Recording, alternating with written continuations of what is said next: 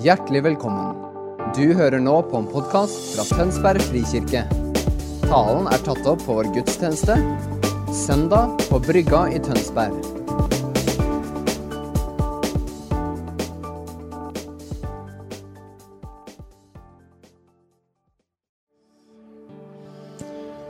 Vi takker deg, Jesus. Vi takker deg, Jesus, for at du er her akkurat nå. Du er til stede i det rommet her. Du er midt iblant oss. Med ditt nærvær, som gir liv, som gir håp, og som gir styrke, Jesus. Og vi ber om at du skal komme. Og la oss se mer av hvem du er, Jesus. La oss se din herlighet i dag, Herre. Jesus. Vi inviterer deg til å komme.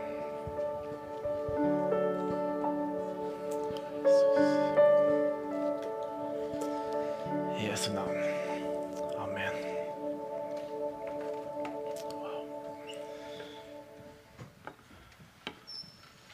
Wow. For meg så oppleves det alltid som en sånn litt sånn krasjlanding når når vi går fra dit til hit, liksom. Men det, det, tenk på det mer som en sånn liten layover, og så skal vi fortsette etterpå. Det er bra. Så fint. Så godt å se dere alle sammen. God søndag. Jeg heter eh, Øyvind, eh, ungdomsleder her i kirka. Jeg er uh, gift med fantastiske Itzel, og så har vi to små gutter. Theodor på to år og Nikodemus på seks måneder. De sitter bak i salen der, og jeg skal vinke. Så de ser meg. Det er fint. Uh, og um, vi, vi er inne i en taleserie nå som handler om kjernekulturene i kirka vår. Og Vi har ikke med oss bildet, dessverre, men dere kan se for dere en trekant. Veldig enkelt. Tre kanter, ikke sant? Tre hjørner. Eh, og så har vi tre kulturer. da. Vi har en, en godhetskultur som går ut, vi har en tilbedelseskultur som går opp, og så har vi en hederskultur som går inn. Eh, og I tillegg til de tre kulturene så har vi noen kjernekulturer kulturer som står på en måte på innsida av trekanten.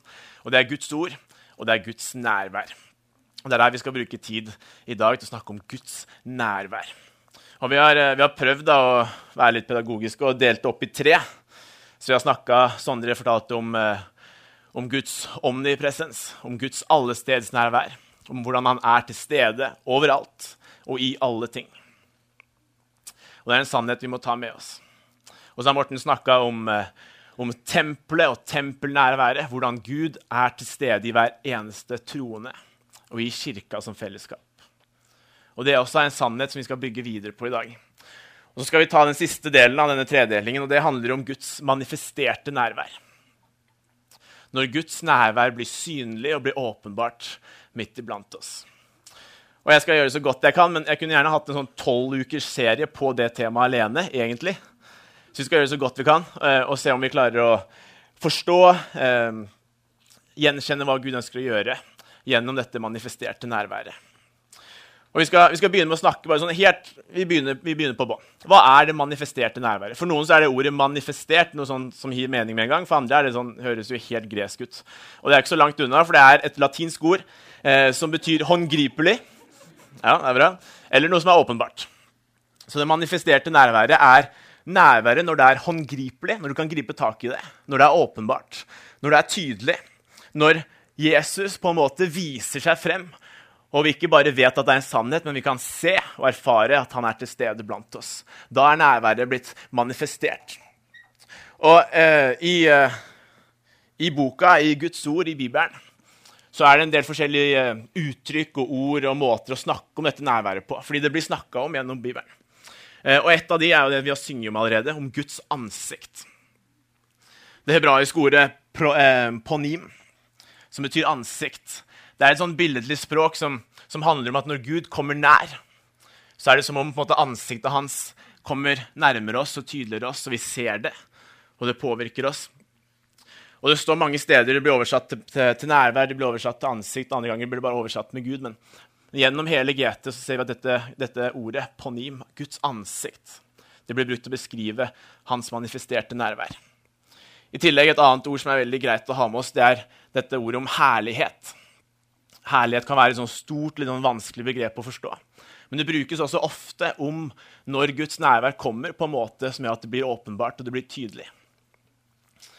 For eksempel så, så leser vi jo i andre Mosebok om at når Aron taler til Israels menighet, og de vendte seg mot ørken, så, så ble Herrens herlighet åpenbart i skya. Altså Guds manifesterte nærvær, det synlige, tydelige, håndgripelige nærværet, ble manifestert i en sky på dette tidspunktet. Så, så, Guds herlighet. Og Vi skal bruke de to begrepene når vi går gjennom talen i dag. Guds ansikt når han kommer nær, når vi får lov til å se han. Og Guds herlighet når han kommer og viser seg frem. Fordi Guds manifesterte nærvær det er jo ikke først og fremst en, en følelse, det er ikke en atmosfære, men det er jo en person. Det er Gud som kommer nær og viser seg frem.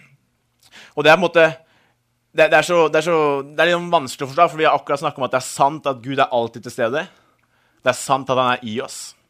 Og likevel så snakker vi om at Gud skal komme nærmere eller mer, eller vi skal se mer av han. Og det er sånn vanskelig hva skjer her, liksom. Um, og en måte å kanskje prøve å forklare det på, da, det er å bruke dette bildet om et forstørrelsesglass.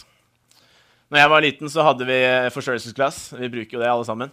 Og så er det så gøy når det skinner ute og sola er sterk, å ta en liten papirlapp og se om vi klarer å få fyr på den. ikke sant?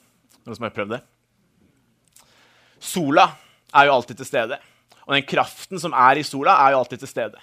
Men likevel, når vi tar dette forstørrelsesglasset og holder det foran papiret, så er det et eller annet som skjer som gjør at den krafta i sola den blir så, så tydelig at det skaper en flamme. Det begynner å brenne i dette papiret. Kanskje går det an å forstå Guds nærvær på den samme måten at han er alltid til stede. Han er i oss. Men likevel så skjer det av og til ting som gjør at plutselig så blir dette, dette nærværet blir tydelig. Det blir åpenbart. Vi, vi gjør noe, eller det, det påvirker, påvirker, oss på en, på en, spesiell måte. Og Jeg har lyst til å, å prøve på en sånn kjapp måte å, å gå litt skritt for skritt gjennom Bibelen. For å se hvordan Gud snakker om det manifesterte nærværet. For å se hvordan Gud hele tiden har tenkt at dette nærværet det er noe som skal følge hans folk. Det er noe som skal gå med oss hver dag gjennom livet vårt. For Det manifesterte nærværet det er, ikke, det er ikke en ny oppfinnelse. Det er ikke noe vi har kommet på nå de siste 300 åra. Liksom. Det er Guds oppfinnelse. Det er Gud som alltid har hatt en hensikt om å gå sammen med oss. Så Jeg skal begynne å lese eh, et vers. Jeg hadde jo egentlig sånne fantastisk powerpoint. Da. Så dere får bare se for dere. Se for dere at åh, oh, For en grafikk på skjermen. ikke sant? Eh, men eh, siden vi ikke har det, så kan dere få lov til å bruke bibelen deres eller mobilbibelen. Så skal vi slå opp, vi begynner i første Mosebok, kapittel 3. Jeg skal bare lese ett vers. I Edens hage. Første Mosebok, kapittel 3, også vers 8. Så står det det er om Adam og Eva. Da hørte de lyden av Herren Gud som vandret omkring i hagen i den svale kveldsprisen. Og mannen og kvinnen gjemte seg for Herren Gud blant trærne i hagen. Det er rett etter at de har eh, spist av, av frukten som de ikke skulle spise av. Men det står at Herren Gud vandret med dem i hagen. Er vi, måte, det er viktig å forstå hvor vi er nå i bibelfortellingen. Vi er i Edens hage. Vi er på en måte i det perfekte, det originale, det som Gud hadde tenkt for oss. Og Planen helt fra begynnelsen av var at Gud skulle gå sammen med oss, akkurat som han gjør i, denne, i dette verset. Han vandrer til stede med oss gjennom livet. Og dere kan jo spørre dere selv, tror dere Adam og Eve måte, er, det, er, det, manifestert nærvær her? Ja, det er helt klart at det er det. Når, når Gud vandrer med dem, så vet de at han går ved siden av dem. De erfarer det, og det er tydelig for dem. Og så står det at de gjemmer seg for Herren. De gjemmer seg for Herrens ansikt, står det på hebraisk. De prøver å komme unna Guds nærvær. Og så, så dette, dette, dette er planen. Dette er det som er Guds hensikt, Guds intensjon for oss. Og så skjer det jo selvfølgelig av syndefallet. Ting går litt skeis. Eh, men resten av historien handler om hvordan Gud ønsker å få dette nærværet tilbake inn i livene våre. Å gjenopprette og etablere dette nærværet på en måte som, som, er akkurat sånn som vi leser. At vi vandrer med han. Vi vet at han går side ved side om oss. Og, og Hvis man blar videre gjennom boka, så, så, så, blir vi kjent med tempelet, og tabernakelet kommer. Og, og vi, måte, vi, mister jo tilgangen inn til Guds nærvær. Vi har ikke full tilgang lenger. Så Guds nærvær blir plassert i et tabernakel, et telt og etter hvert et tempel. Og man har muligheten til å komme noen innimellom og ta del i det. Og når Guds nærvær hviler i tabernakelet eller hviler i tempelet, så er det absolutt manifestert der. Det er absolutt tydelig og til stede. Det er faktisk så tydelig til stede at man, man knyter et tau rundt øverstepresten skal inn, i tilfelle han faller om der inne. Fordi man vet at her er Guds nærvær. Det er tydelig, det skjer noe. Når vi kommer i kontakt med det, så, så påvirker det oss. Vi ser også når, når, når israelsfolket vandrer gjennom ørkenen, at Guds nærvær er manifestert, og det er med dem. Det står i 2. Mosebok kapittel 13 at Herren gikk foran dem om dagen i en skysøyle for å vise dem veien, om natten i en ildsøyle for å lyse for dem. Det var ingen tvil om Gud var til stede. Det var på en måte bare å eh, åpne teltet du bodde i, og så se ut, og så så du ildsøyla sto der. Ja, men da er Gud her, da. Ja, greit. Enkelt og greit. Han var absolutt til stede. Og det var, det var Guds Guds veldige majestet, Guds mektige måte, Det var hans, hans, kraft som var til stede. Du så det. Men det var ikke veldig personlig. Det var ikke sånn at jeg kunne gå bort og relatere til Gud veldig personlig. Men, men, men, men nærværet var der. Og så ser vi noen sånne, noen sånne glimt, noen sånne frampek innimellom, hvor, hvor, det står at Moses snakka til Gud sånn som han snakker ansikt til ansikt. Og senere kommer David og, og klarer å gjøre Guds nærvær mer tilgjengelig for mennesker i en periode. Fordi det er ikke Guds intensjon å bli værende i tempelet. Det er ikke Guds intensjon at nærværet er der, men det er ikke personlig. Han ønsker at det skal være synlig og tydelig, men det skal også være personlig. Jeg har også lyst til å ta med noen vers fra, fra andre krønikebok. Morten begynte så vidt å snuse på det i forrige uke. Men det står i andre krønikebok, hvis dere har lyst til å slå opp, kapittel 5,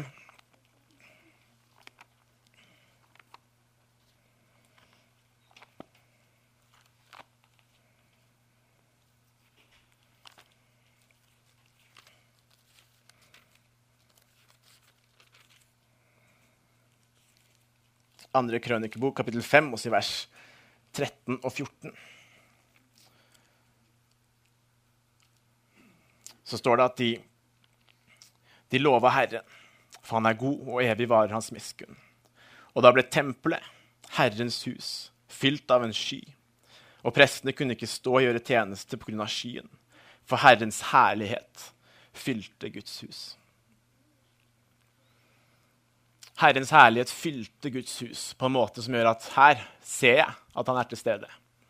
Og det er vanskelig å fortsette å gjøre det jeg gjør. Og Hvis vi blar en, side videre i, i, boka, til kapittel 7, så skjer det noe lignende igjen når Salomo var ferdig med å be. Jeg leser fra vers, vers 2, vers 1. Når Salomo var ferdig med å be, så for det ild ned fra himmelen. Den fortærte brennofferet og slakteofrene, og Herrens herlighet, den fylte huset. Prestene kunne ikke gå inn i Herrens hus, for Herrens hus var fylt av Herrens herlighet. Og når alle israelittene så ilden og Herrens herlighet komme ned over huset, så falt de på kne på steinhellene med ansikt mot jorden og tilba og lovet Herren. Så Gud fyller tempelet med sin herlighet. Og det er, det er ingen tvil om at han er der. Israelittene står på utsida og ser, og de skjønner at han er til stede. Og de ser litt mer av hvem han er. Og Vi skal la de versene henge der litt og komme litt tilbake til det etterpå. Men Guds nærvær som er manifestert, det går med israelsfolket gjennom hele Gamle testamentet. Og så kommer vi etter hvert da, fram til det nye, fram til Jesus. Og den fantastiske hendelsen når Jesus blir født, når han blir inkarnert, Gud blir menneske, som er sprøtt å tenke på. Men Kolossebrevet så skriver Paulus at at hele Guds fylde det blir kroppsliggjort i Jesus. Og i Jesus kommer dette nye tempelet som vi snakka om forrige uke. Og Jesus bærer på dette nærværet. Og det blir manifestert gjennom Jesus sitt liv. Når Jesus kommer i kontakt med de syke, så blir de helbreda. Når Jesus kommer i kontakt med de som er bundet, så blir de frigjort. Når Jesus kommer i kontakt med de som, er, eh, som har det tungt og som har det vanskelig, så finner de håp. For det nærværet, den herligheten, den fylden som Jesus bærer på som et tempel, det blir manifestert i livet rundt ham.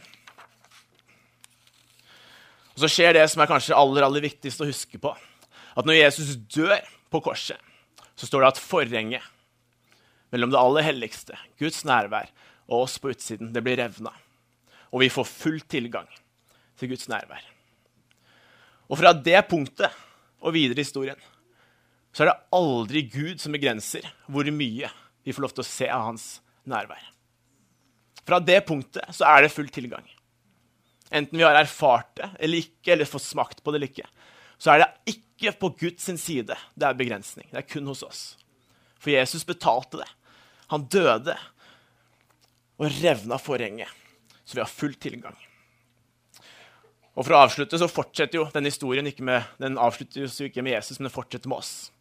Hvor vi får lov til å bli templer, som vi lærte forrige uke. Hvor den ånden og Guds nærvær hviler på innsiden av hver enkelt en av oss. Og Vi ser f.eks. i Apostlenes gjerning i kapittel 2 at når ånden kommer, der også så blir det manifestert. Ildtungene kommer. De begynner å tale andre språk. Folk spør hva, hva gjør de folka der. De ser fulle ut. Men når ånden kommer og nærværet kommer på innsiden, så blir det også manifestert i livet på utsida. Og det er det som er tankegangen. at når, når vi leser i GT at Guds nærvær var, var, manifestert, det var tydelig, det var synlig, det var til stede, på en måte som at vi så det i tempelet, i GT, skal det også være synlig og merkbart og til stede i våre liv. På en måte som gjør at man kan se det. Det er Guds ønske og Guds intensjon. Og så har vi den leseteksten vi hadde i dag, i Apostlenes gjerninger, kapittel 21, som på en måte oppsummerer dette målet. Denne reisen fra hagen gjennom mødemarka og Jesus og oss. Jeg leser vers 1-3 igjen fra Åpenbaringen kapittel 21. Og jeg så en ny himmel og en ny jord. For den første himmel og den første jord var borte, og havet fantes ikke mer. Og jeg så den hellige byen, det nye Jerusalem, stige ned fra himmelen, fra Gud gjort i stand og pynta som en brud for sin brudgom. Og jeg hørte fra tronen en høy røst som sa, Se, Guds bolig er hos oss, menneskene. Han skal bo hos dem, og de skal være hans folk, og Gud selv skal være hos dem. Han skal være deres Gud. Det greske ordet som er oversatt med Guds bolig, det er skenæ et substantiv som vanligvis blir oversatt med tabernakel. Se Guds tabernakel. Der hvor hans nærvær er, er blant menneskene. Og så står det at han skal bo hos dem. Det er det samme ordet gjort om til et verb. Skal noe. Han skal tabernakle hos dem. Det høres litt artig ut. Det som skjer, det som kjennetegner tabernaklet, måten nærværet var der, han skal tabernakle. Han skal være hos oss på en slik måte. Det er målet. På samme måte som vi begynner i Edens hage, med at han vandrer sammen med oss, skal vi også avslutte der. At han vandrer med oss. Han tabernakler hos oss. Fordi det var hele tida Guds intensjon å gjenopprette den relasjonen mellom oss og mellom han. Og det er egentlig der vi finner essensen av hva det manifesterte nærværet handler om. Det handler om fellesskap. Det handler om relasjon. Det handler om en Gud som lengter etter å gå nært og tett inntil oss. Som lengter etter nærhet og intimitet med oss.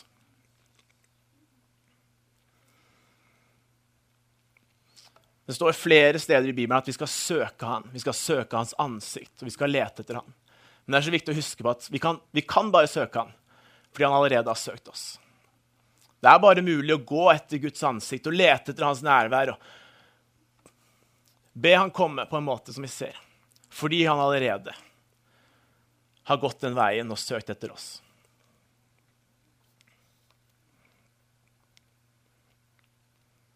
Gjennom, gjennom Gamletestamentet brukes dette hebraiske ordet 'jada' for å beskrive den relasjonen Gud ønsker mellom oss og han. Jada betyr å kjenne gjennom personlig erfaring. Gud ønsker at vi skal kjenne han, ikke bare i teori og tanke eller kunnskap, men vi skal kjenne han gjennom personlig erfaring. Det er det det nærværet handler om. At vi får lov til å gå tett inntil han og vite med sikkerhet, vite med erfaring og sannhet, at det er en virkelighet at han går sammen med meg. Og Det er, det, det er hovedessensen, det skjer også veldig mye annet bra når vi kommer inn i Guds nærvær. I 2. Korinterbrev kapittel 3 så står det at vi blir forvandla i hans nærvær. Vi som ser Herrens herlighet uten slør, som i et speil. Vi ble alle forvandla til dette bildet, fra herlighet til herlighet. Og det skjer ved Herrens ånd.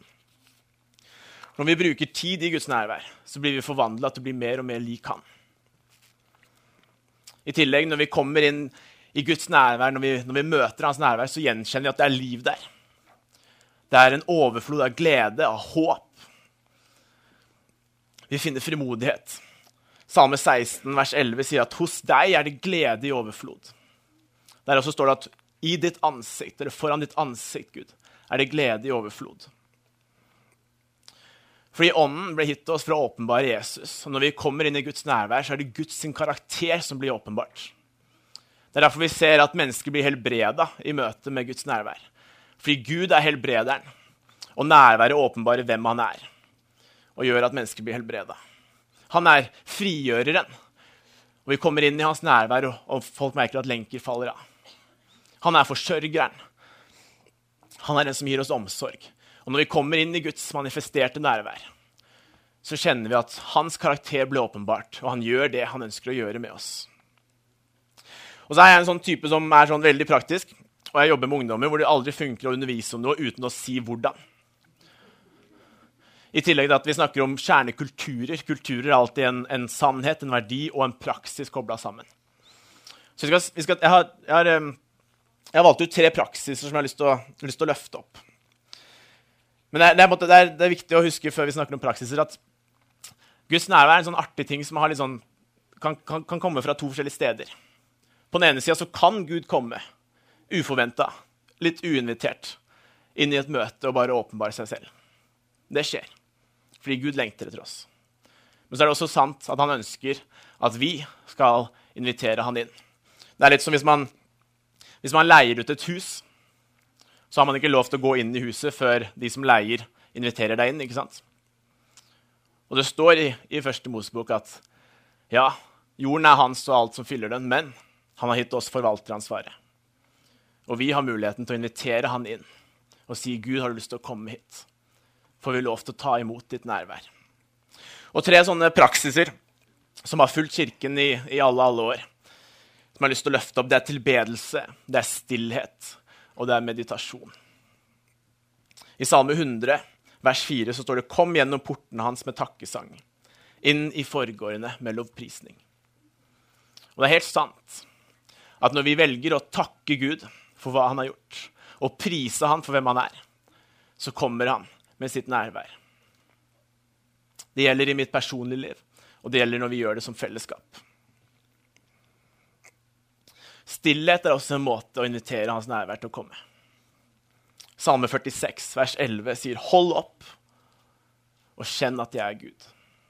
Vær stille og kjenn, erfar, at jeg er Gud. I den verden vi lever i, hvor ting går så fort, så er det veldig lett å gå glipp av hans nærvær som er til stede. Men når vi velger å holde opp, være stille, rette fokuset vårt på han, så gir vi han rom til å komme. Og gir vi oss selv mulighet til å oppdage og gjenkjenne at han er til stede. Og Den tredje praksisen som jeg har lyst til å løfte opp, det er meditasjon. Ikke, ikke sånn østlig meditasjon, men, men, sann, god bibelsk meditasjon. Hvor man tar en sannhet, og man grunner på den. Man tar sannheten om at Gud er til stede. Man tar sannheten om at Gud har valgt å bo inni meg. Og man grunner på det så inviterer man den sannheten til også å bli en sann erfaring. Og Jeg har fortalt ungdommene i FRIK om og om igjen om, om når jeg jobba på Felleskjøpet og lengta etter Guds nærvær og tok en tre minutter inne på toalettet, knelte ned og bare begynte å si, 'Gud, du er her. Du er her.' Og ved å vende min affeksjon mot ham og meditere på disse sannhetene, så fikk jeg igjen og igjen og igjen erfare at han virkelig var til stede. Han var det hele tida. Men når jeg hjelper meg selv med å si disse sannhetene over meg selv, så får jeg også komme inn i den erfaringen. For mer, mer enn enn hva en praksis kan gi oss, så handler Guds manifesterte nærvær om det å lære seg å gjenkjenne at han er til stede. Vi er designa av Gud til å leve sammen med han, til å kommunisere med han og høre hans stemme og se at han er blitt iblant oss. Og vi må lære oss ofte å klare å gjenkjenne det.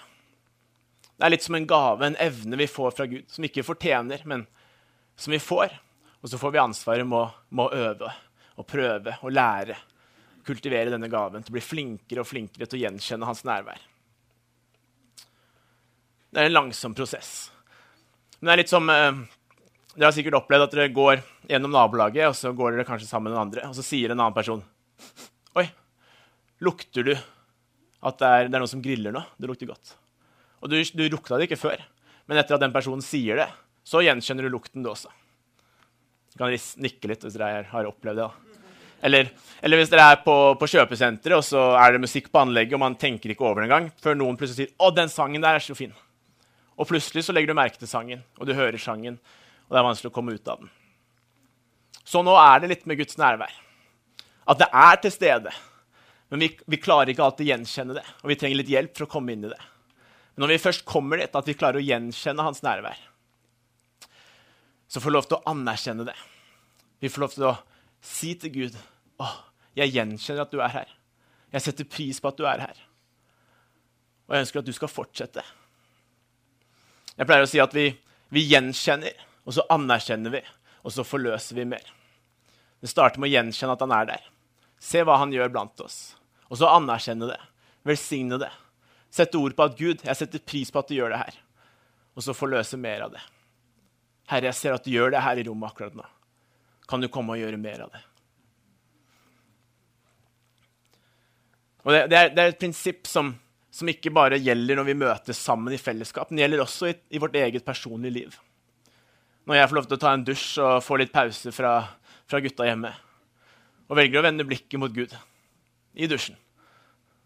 Og så kan jeg gjenkjenne nærværet hans.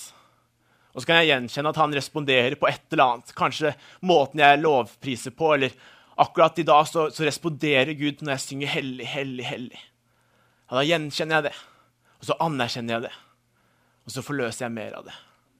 Og så kan jeg få lov til å lære å gjenkjenne Guds nærvær i mitt eget liv og i vårt fellesskap sammen. Så er det viktig å si at vi, vi, vi gjenkjenner Gud på forskjellige måter. Her er det ikke noe fasitsvar. Det er ofte her man føler det, det går litt skeis. For noen så er det en følelse, for andre så er det ikke en følelse. Noen kjenner på en måte at de, de får gåsehud eller varme nedover ryggen når de gjenkjenner Gud. og Det er bra og fint for dem, og så er det andre som gjør det på andre måter. Noen gjenkjenner at tankene blir mer inspirerte eller mer positive. Jeg har eh, Faren til en venn av meg han er matematiker. Og når han kommer inn på et møte hvor Guds nærvær er tydelig til stede, så får han plutselig svar på mange lignelser. Helt sprøtt.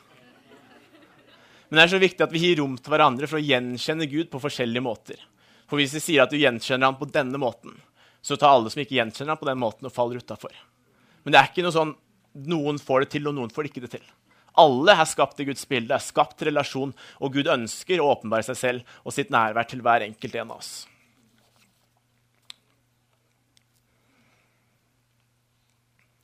Disse praksisene og det å lære å gjenkjenne Gud, det er viktig. Det er helt nødvendig å ha med oss i kristenlivet. Men det er én ting som faktisk trumfer over alle disse praksisene når vi snakker om Guds nærvær. For Guds nærvær er ingen sånn tolvpunktsformel eller trepunktsskjema som man kan følge for å, for å fikse det. liksom. Guds nærvær er Gud. Guds person åpenbart til oss. Og hvis man virkelig ønsker å få lov til å erfare Guds nærvær i livet sitt, så er det én ting han virkelig responderer på, og det er en lengsel. Den lengselen etter å kjenne, lengselen etter å se lengselen etter å gå sammen med Gud, ja, da responderer Gud. Når hjerter brenner for Han, når hjerter ønsker å se mer av Han, da responderer Gud. Og Bibelen gir oss ikke en, en innsikt i hvordan nærværet fungerer, kun for at vi skal få en god forståelse eller gi oss en bra teologi på dette punktet. Men Bibelen snakker om nærværet for å invitere oss inn i erfaring. Det er en sannhet som det er ment at vi skal leve i. En sannhet som det er ment at vi skal få lov til å gå i og vite at det er en virkelighet for meg også. Og Når jeg leser Bibelen, så står jeg alltid overfor et valg. F.eks. når jeg kommer til disse versene i krønikeboken, så har jeg et valg i hodet mitt. Jeg kan velge å lese det som at ja, det var stilig. Det var en kul historie som sikkert skjedde fordi det folket på det tidspunktet var helt spesielt og fantastisk. og Takk Gud for at du gjorde det den gangen. Og det er mange som leser det på den måten. Eller så kan jeg lese det på en annen måte. Ta det som et glimt av hva Gud ønsker å gjøre igjen, fordi han har gjort det før. Fordi vi også er spesielle mennesker. Elsket av Gud. Satt en helt spes spesiell tid som er akkurat nå. Og Gud ønsker igjen å komme og forløse sitt nærvær. Og For å ta det enda et skritt videre så snakker Hebreerbrevet kapittel 8 om at den gamle pakt hadde gamle paktsvilkår, men vi lever i en ny pakt som har enda bedre paktsvilkår. Hvis det som er sant for de i gamle, den gamle pakten, jo, hvor mye bedre er det ikke for oss i den nye pakten? I tillegg, 2. Korinterbrev kapittel 3 snakker om at når Moses så herligheten, så var det en herlighet som etter hvert gikk vekk. Men vi får lov til å se herligheten som skinner klarere, tydeligere og mye kraftigere, som har en glans som aldri vil ta slutt. Vi kan velge. Vil disse, disse historiene inspirere oss? Eller er det bare fine minner vi kan se tilbake på? Og jeg mener at Hvis vi blar oss litt igjennom kirkehistorien, så skjønner vi fort hva svaret egentlig er. Det er at Gud ønsker å gjøre det igjen. For han har gjort det igjen og igjen og igjen. Og Jeg har lyst til å dele et eksempel som er, som er litt voldsomt. Det er fra en av mine, mine troshelter som heter Smith Wigglesworth. Hvis du ikke kjenner til Smith Wigglesworth, så er han en, han var en analfabetisk rørlegger som ikke kjente Gud. Og Så ble han frelst. Han fikk et sterkt møte med Gud, og etter det så levde han kun for Jesus. Og Det er en historie om, eh, om disse bønnemøtene som Smith pleide å ha for seg selv, som andre folk hadde lyst til å bli med på. Og En morgen så var det elleve andre menighetsledere som hadde lyst til å bli med Smith på dette bønnemøtet. Og Smith begynner å be. Og man merker at Guds nærvær kommer. Hans herlighet fyller rommet. Og det er så kraftig. Og det blir litt skremmende. Og man blir så plutselig så ser man hvor lite man er i forhold til hvor stor Gud er. At disse menighetslederne blir så ukomfortable at de begynner å forlate rommet én etter én. Og det er en der inne som har sagt at han skal, han skal meg ikke forlate dette rommet, for han har lyst til å oppleve hva Gud gjør. Så forteller historiebøkene oss at han også etter hvert kommer krabbende ut av rommet, full av tårer. Og han sier at det er for mye Gud i det rommet der. Men Smith satt der og fortsatte å be.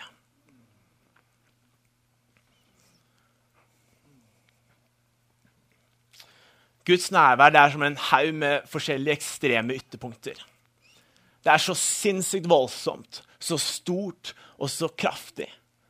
Og likevel så er det så personlig, hvor Gud kommer til hver enkelt en av oss og kjenner oss. Det kan være så høylytt og så voldsomt. Og så kan det samtidig være så stille og så diskré. Det kan være øyeblikk hvor han har så mye hensikt med å komme. Hvor han ønsker å forløse noe, gjøre noe, sende noen. Og så kan det være øyeblikk hvor han kommer hvor han bare ønsker å være til stede. Kun for relasjon. Men jeg lengter etter å være en person og en kirke som bærer på dette Guds nærværet. Fordi jeg gjenkjenner lengselen i mitt eget liv etter å se mer av Gud. Og så gjenkjenner jeg lengselen etter å få lov til å åpenbare dette for de mennesker som ikke har tatt del i det. For ja, jeg trenger Guds nærvær. Jeg trenger at Hans nærvær blir manifestert i mitt eget liv. Men jeg vet også at de som står på utsida av kirka, de trenger at Guds nærvær blir manifestert i mitt liv. De trenger at jeg klarer å gjenkjenne hans nærvær og forløse det på en måte sånn at det blir tydelig og åpenbart og håndgripelig for de som står på utsida av kirkedøra.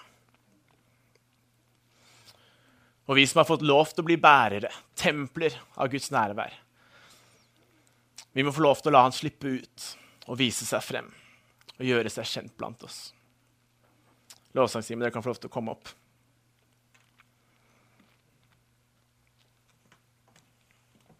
Jeg har lyst til å være litt, litt direkte. Får jeg lov til det? Jeg er tross alt ungdomsleder. Jeg tror at for mange av oss så har vi akkurat nok nærvær i livet vårt til å være veldig komfortable. Vi merker at Gud er med oss, og det er greit, og det er fint så lever vi godt med det. For hvis vi på den ene sida erfarer at vi ikke har noe nærvær i livet vårt, vi kjenner oss helt alene, så leder det oss ofte til desperasjon. Og det er OK for en tid, for det setter oss i bevegelse, og vi lengter etter mer av Han. Eller hvis du på den andre sida har virkelig erfart Guds nærvær før, du har svakt og sett at Herren er god, ja, da vil man ofte ha mer av det. Men mange av oss lever midt i midten, hvor vi har akkurat nok nærvær til å være komfortable. Og jeg kan være der mange ganger i mitt eget liv. Men jeg har lyst til å invitere oss. La oss ta et skritt videre i dag. Ikke fordi det er nødvendig, nødvendigvis, men fordi vi ønsker å ha mer. Og vi gjenkjenner at når Gud, når Jesus revna forhenget og ga oss full tilgang, så har vi tatt del i veldig, veldig lite av det. Vi er blitt så, vi er blitt så mekaniske i vår tid. Vi er så vant til telefonen hvor du trykker på en knapp, og så skjer det noe. Du gjør sånn, og så skjer det noe. Og jeg tror vi må, vi må ta et skritt tilbake og innse at Guds nærvær det er, ikke, det er ikke noe vi gjør for at det skal skje sånn og sånn. Men det er Gud som responderer til vår lengsel. Det er Gud som ser et oppriktig hjerte som ønsker å bli kjent med han, som ønsker å erfare han, ønsker å se at han er til stede, og som velger å søke etter han. Og innimellom så må jeg faktisk omvende meg. Innimellom så må jeg si til Gud at ja, jeg har blitt for fokusert på andre ting. Og jeg omvender meg, jeg stiller blikket mitt og affeksjonen min tilbake til deg, Gud. Fordi det er kun ditt nærvær jeg lengter etter. Jeg er bygd og designa på en måte at jeg lengter etter ditt nærvær. Jeg ønsker å se deg, Gud. Jeg ønsker å se mer av hvem du er. Og se du bli åpenbart i mitt liv og i andres liv. I vårt fellesskap. Det er kun hans nærvær som faktisk kan stille den lengselen som alle oss har på innsiden. Enten vi kjenner den akkurat nå eller ikke ennå.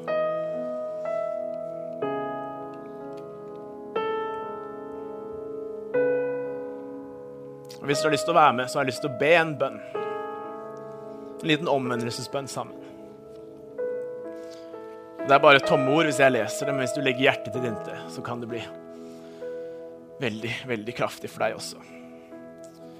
Det er Aiden Wilson Tozer som har skrevet den bønnen her. Gjerne bli med.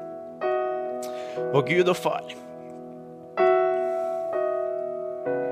jeg omvender meg fra mitt syndige oppdatert av synlige ting. Verden har vært for mye for meg. Du har vært her, Gud, og jeg visste det ikke. Jeg har vært blind til ditt nærvær. Åpne øynene mine, slik at jeg kan skue deg i og rundt meg, Gud. For Jesu Kristus skyld.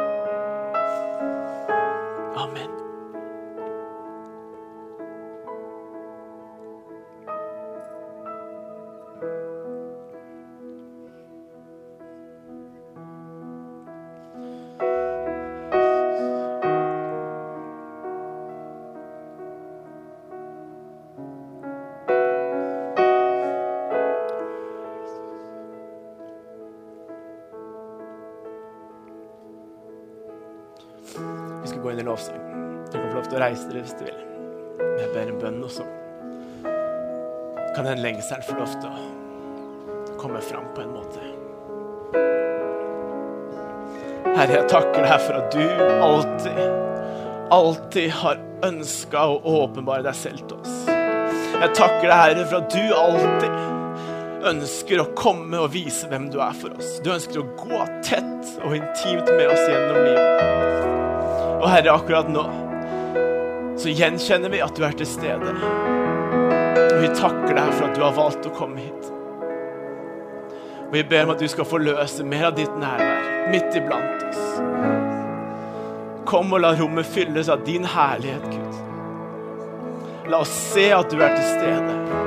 At du er nær, du er håndgripelig, og du er tydelig blant oss, Gud. Vi søker deg med et oppriktig hjerte, Herre. Vi lengter etter mer av deg. Vil du komme og fylle dette rommet? Fylle våre liv og våre familier med ditt nærvær, Gud. Kom, kjære gode far.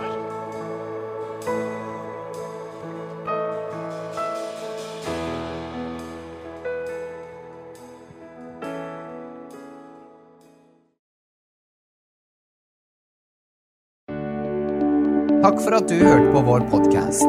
Har du spørsmål eller ønsker du å vite mer? Besøk oss på vår nettside tonsbergfrikirke.no. Du er også velkommen til kirke på Brygga i Tønsberg.